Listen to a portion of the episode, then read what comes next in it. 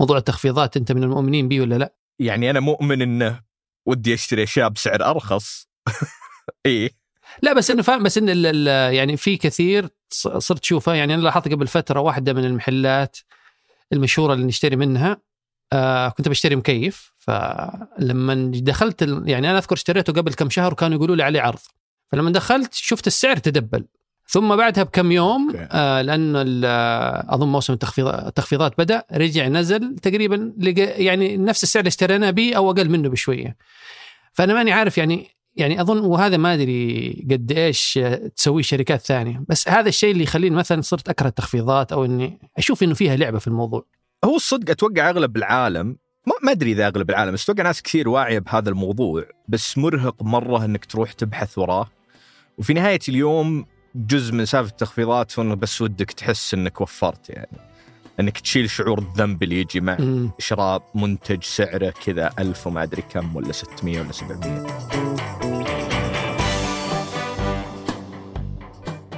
هذا بودكاست الفجر من ثمانية. بودكاست فجر كل يوم نسرد لكم فيه سياق الأخبار اللي تهمكم. معكم أنا مازن العتيبي. وأنا ثمود بن محفوظ.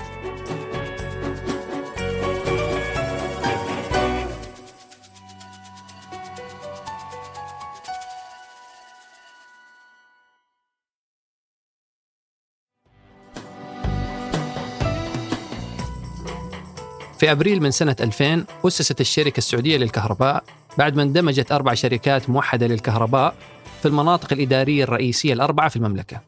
وبالإضافة للاربع شركات هذه تم دمج عشر شركات لإنتاج الكهرباء تعمل في منطقة الحدود الشمالية. فالنتيجة كانت شركة ضخمة من حيث عدد المناطق اللي تخدمها وأيضا العملاء اللي وصل عددهم في 2022 إلى أكثر من 10 ملايين مشترك. نتيجة لهذا الاندماج كان في تحديات كبيرة. في الأنظمة والكفاءة والإنفاق والموارد البشرية. وهذا الشيء خلى الحكومة تفكر في إعادة هيكلة قطاع الكهرباء وتم إنشاء هيئة تنظيم المياه والكهرباء في العام 2002 كان الهدف من الهيئة أنها تنظم قطاع الكهرباء وتحلية المياه في المملكة وإنشاء سوق كهربائية تنافسية. وكان من أهم أركان خطة إعادة هيكلة صناعة الكهرباء إنشاء كيان مستقل يدعى المشتري الرئيس. واللي وظيفته أنه يشتري الطاقة الكهربائية من كل المنتجين للكهرباء بصورة أساسية.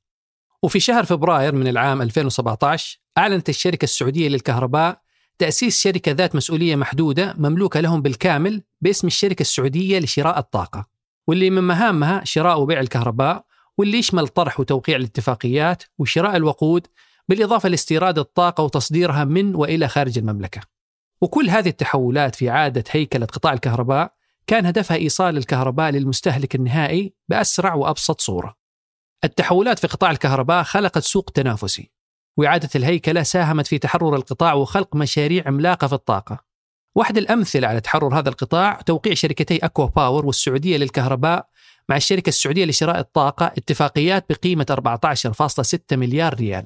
تتعلق الاتفاقيات بشراء الطاقة لمدة 25 سنة من مشروعي محطة طيبة واحد ومحطة القصيم واحد.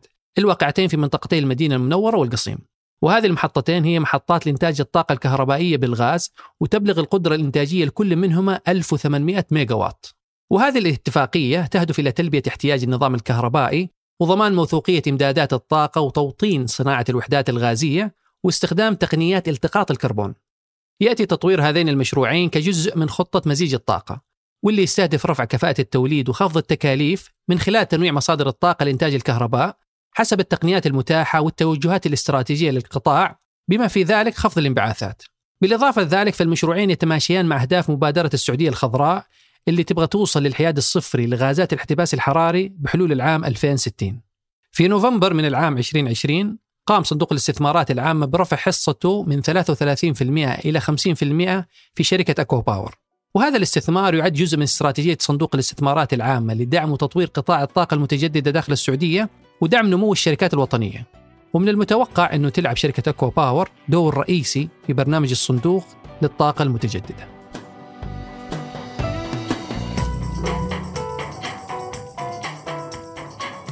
وقبل ننهي الحلقة هذه أخبار على السريع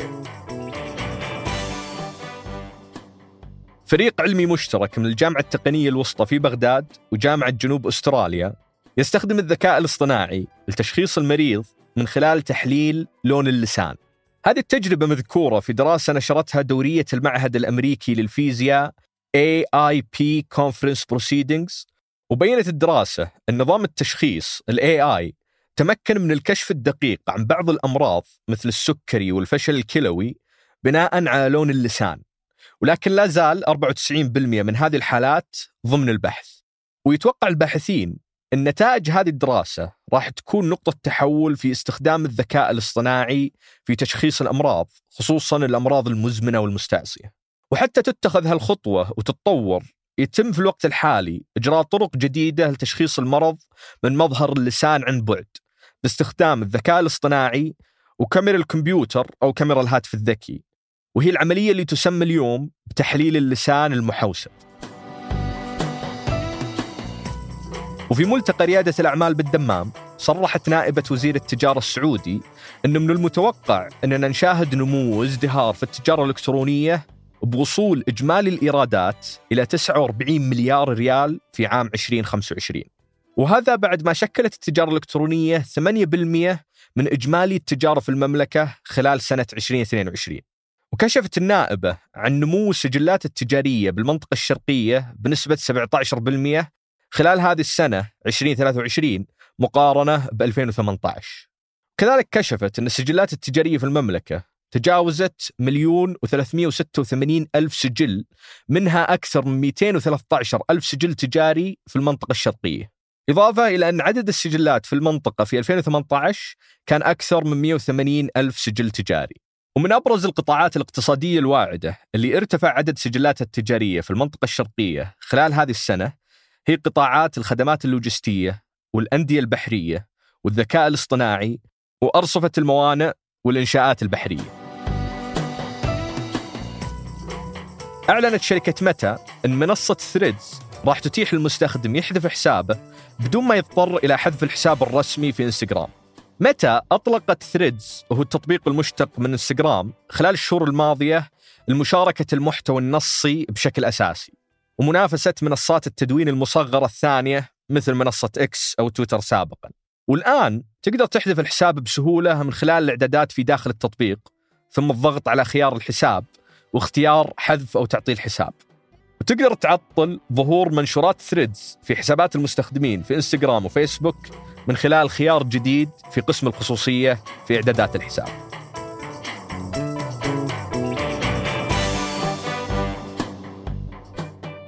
أنتج هذه الحلقة. سفر عياد وريناد العيسى وقدمتها أنا ثمود بن محفوظ. وأنا مازل العتيبي. وراجعها وحررها محمود أبو ندى. نشوفكم بكرة الفجر.